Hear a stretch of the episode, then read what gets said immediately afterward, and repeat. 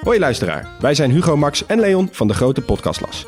Wij zijn drie geografen en elke week behandelen wij een ander land. We bespreken onder andere de geschiedenis, politiek, natuur, maar ook de sport, de muziek en natuurlijk het eten. De nijlpaarden van Pablo Escobar, de vele bunkers van Albanië en het verschil tussen een sheik en een emir zijn zomaar wat voorbeelden die langskomen. Maar we bespreken ook de geopolitieke invloed van China in Afrika en de impact van het Europese kolonialisme. Luister dus wekelijks naar de audioversie van de Atlas, de Grote Podcastlas.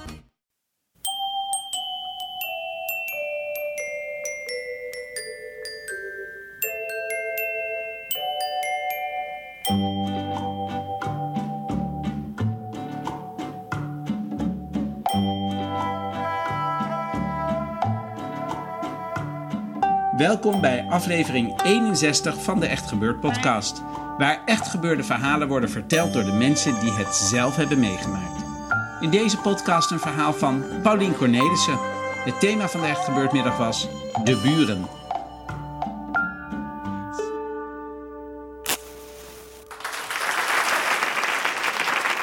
Voordat ik begin, ik heb een beetje stemproblemen. Dus als ik raar klink, dan klopt dat. En dan heeft dat verder niks te maken met wat ik vertel.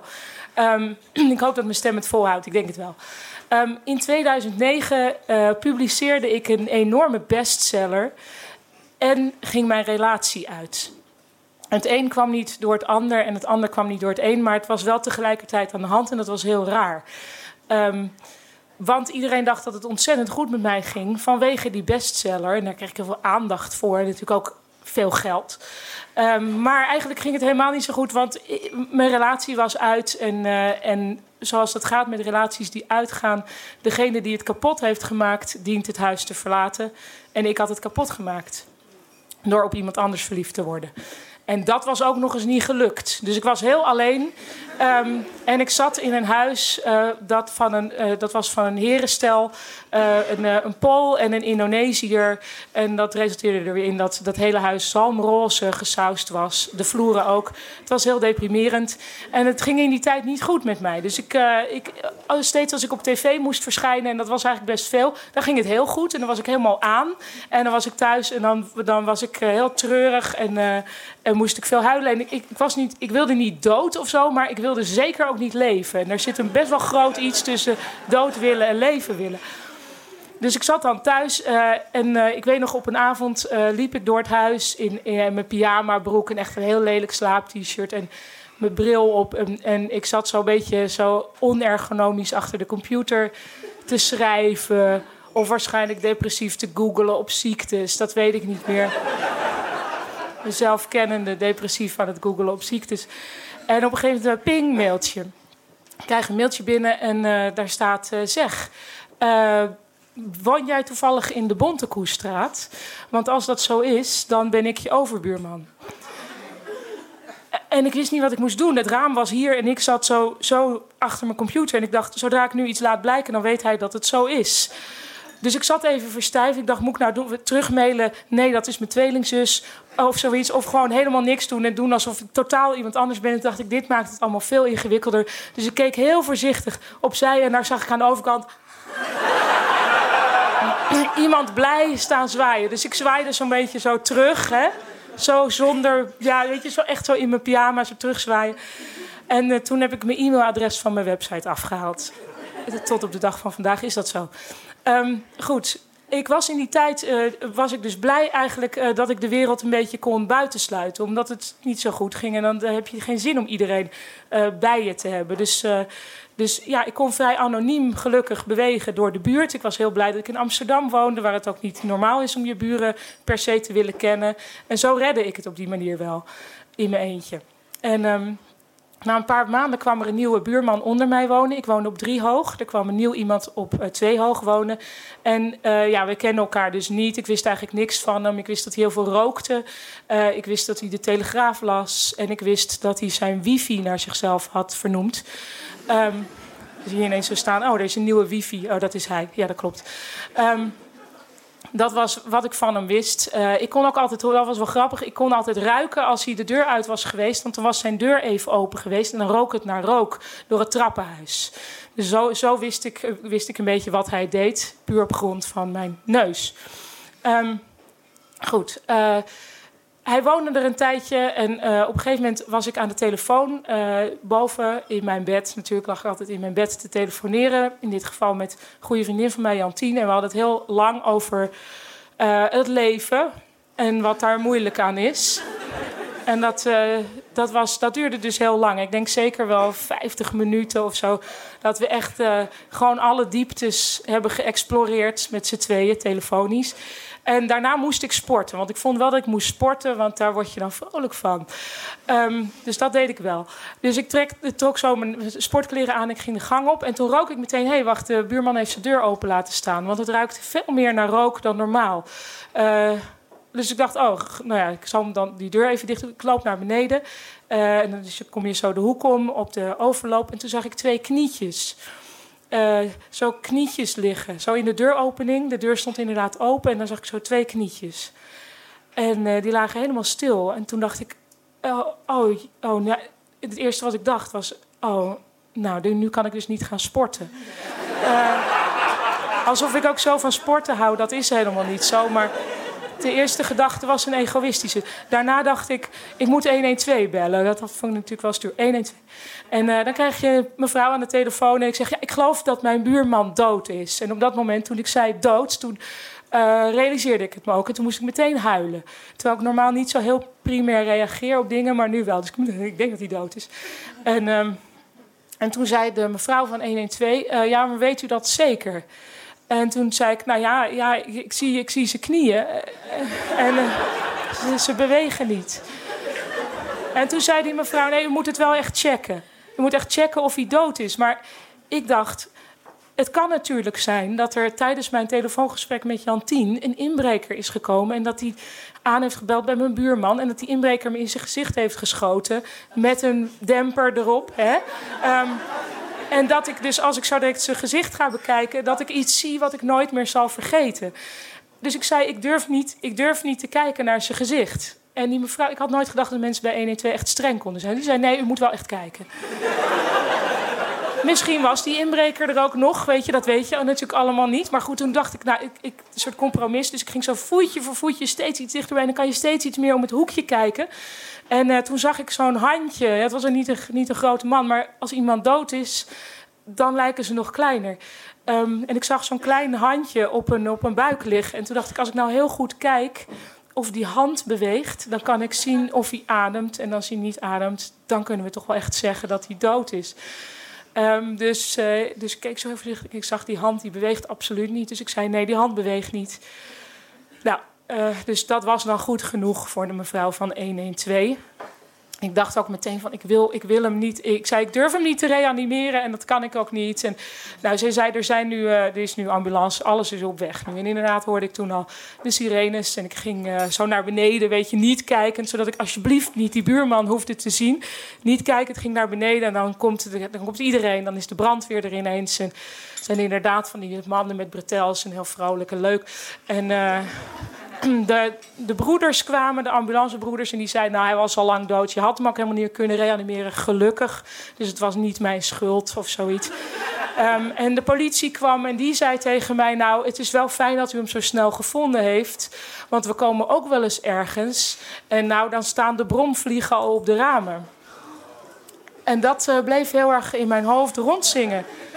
Want ja, het was, mijn buurman was, uh, was niet zo heel sociaal. kwam niet zo heel veel bezoek uh, langs. Dus ik was zo dankbaar dat hij was doodgegaan... op het moment dat hij zelf de deur al open had gedaan. Hij was dood, hij ging naar buiten, dood neergevallen. Dat is een mooie, mooie dood in feite. En toen dacht ik ook, maar wie gaat mij dan vinden als ik nu ineens... Uh, dood neerval. En dat kan natuurlijk. Je hoort altijd een verhalen. Ik was toen 33. Ik was dus alleen, weet je. Iedereen om me heen begon gezinnen te stichten of had al een gezin. Iedereen had een geliefde en ik had niemand. En geen van mijn vrienden vindt het raar als ik twee weken niet bel. Weet je, ik heb, wel, ik heb denk ik wel elke dag contact met iemand. Maar je moet natuurlijk één iemand elke dag contact mee hebben... om te zorgen dat iemand weet dat er iets mis is.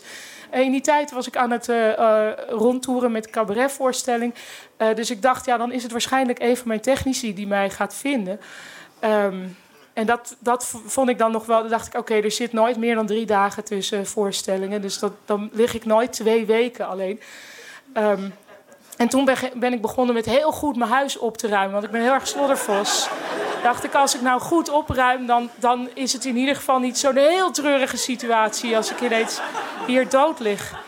En um, Goed, dus de buurman is dood. Uh, en uh, een paar dagen later word ik gebeld door de dienst gemeenteuitvaarten. En dat, zijn, dat is de dienst, ik weet niet voor wie de serie Adam en Eva wel eens heeft gezien. Uh, dat, dat, daar gaat, het gaat over die dienst. Dat, zijn dus, dat is een dienst die verzorgt uitvaarten voor mensen die verder niemand hebben. Dat zijn heel toegewijde mensen. En via de politie hadden ze mijn telefoonnummer. En ze belden mij op, maar ze wisten zelf eigenlijk niet waarom ze opbelden.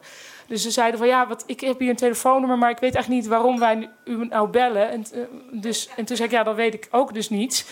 Um, en toen hoorde ik geblader in een ordner.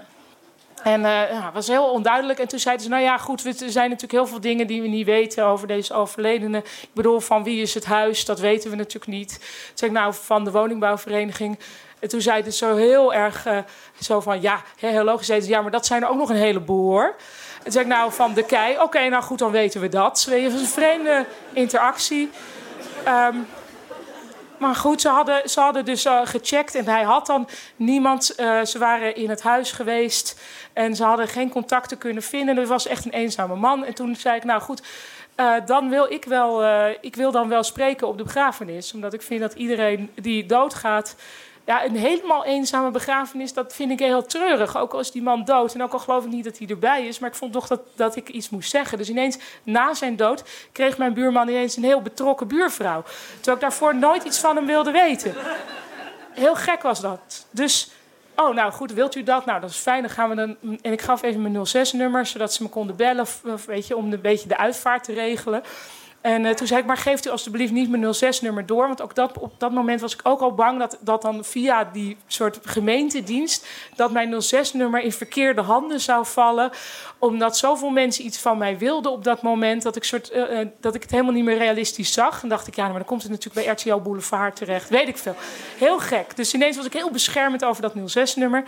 Um, nou, Goed, dus ik bereidde me al voor op van ik moet spreken op die begrafenis. En toen, een paar dagen later, belde de dienstgemeente Uitvaart weer. En die zei, uh, ja, we hebben toch familie gevonden. Er is toch familie. Um, want wat bleek, ze hadden namelijk uh, over het hoofd gezien... dat er op het bureau van mijn buurman opengeslagen een dik adresboek lag. Met daarin zeer veel familie en vrienden. Hij had dus heel veel mensen om zich heen. Maar de, de man van dienstgemeente uitvaarten klonk een beetje teleurgesteld. En ik had de indruk dat hij, die man wel hield van de, van de pathetiek van de eenzame dood. En ik moet zeggen dat ik het ook een beetje jammer vond. Omdat ik dacht van, jee, ik vond het ook wel iets hebben. Zo mezelf, zo op zo'n mistige begraafplaats... met zo'n eenzame man. Dat ik dan dingen zou zeggen die echt ergens over zouden gaan. En die, ja, dat niemand erbij was. Ik vond dat wel mooi. Nou goed, in ieder geval uiteindelijk toch, toch beter dat er wel uh, mensen waren voor mijn buurman. Um, dus een paar dagen later uh, weer was dan de daadwerkelijke uitvaart. En ik vond wel dat ik daarheen moest gaan. En ik ben daar dus ook heen gegaan. Maar ik heb natuurlijk niet gesproken, want dat deed de broer van de buurman.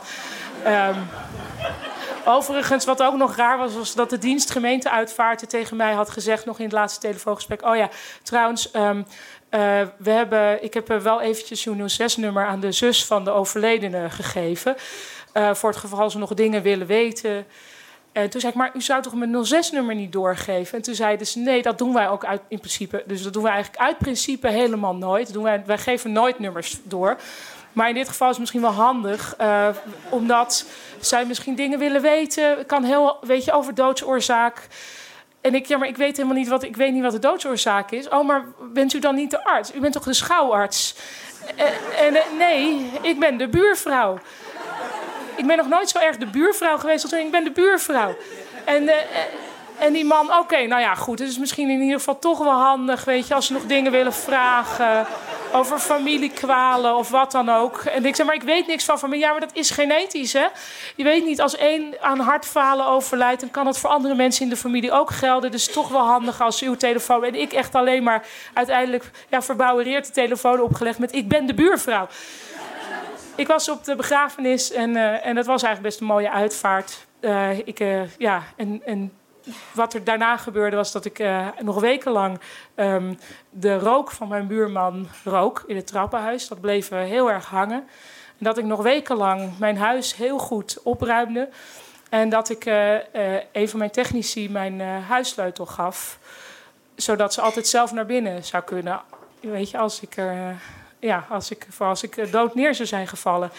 Um, ik was niet bang om dood te gaan, maar ik, ik was vooral bang voor de manier waarop. Na verloop van tijd, uh, toen leek het een heel lange tijd, maar terugdenkend is het eigenlijk best snel gegaan.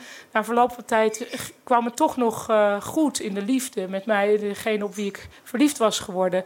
En daardoor werd ik veel blijer. En zo belangrijk is de liefde wel, is een heel belangrijke gedachte. Liefde is belangrijk. Um, het ging steeds beter. Um, en uh, dus na, ja, na een paar maanden was mijn huis uh, gelukkig weer een enorme troep.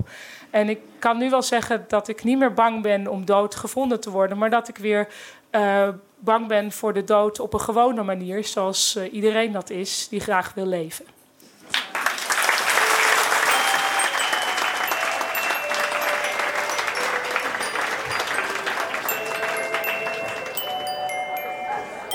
Dat was onze eigen Paulien Cornelissen. Die behalve dat ze aan deze podcast en alle echt gebeurd meewerkt, ook boeken schrijft en columns. Maar ondertussen staat ze ook in het theater met een voorstelling die niet alleen heel grappig, maar ook erg mooi is. Dus gaat dat zien. Echt Gebeurd wordt iedere derde zondagmiddag van de maand opgenomen in Toemler, onder het Hilton Hotel in Amsterdam. Heeft u zelf een bijzonder verhaal te vertellen of wilt u er gewoon een keertje bij zijn als er echt gebeurde verhalen worden verteld? En wij vinden dat leuk. Ga dan naar www.echtgebeurd.net. Aarzel trouwens niet om ook eens iemand voor te dragen die goed kan vertellen, maar nog net een zetje nodig heeft om ook echt het podium op te klimmen. Dan nemen wij het verder van je over. De redactie van Echt Gebeurd bestaat behalve uit Paulien Cornelissen, die we net hoorden, ook uit Eva Maria Staal, Rosa van Dijk, Eva Zwaving en mijzelf, Micha Bertijn. De techniek is zoals altijd in handen van Vrijman en Vrijland. Dit was de 61ste podcast van Echt Gebeurd. We hopen dat jullie net als wij een goed jaar hebben gehad vol verhalen. Wij beginnen het nieuwe jaar op 12 januari in Rotterdam in Theater Walhalla. Het thema is dan sport en spel. En er zijn nog kaarten. Bedankt voor het luisteren en tot de volgende podcast. En vergeet niet, je wifi-netwerk, dat ben jij.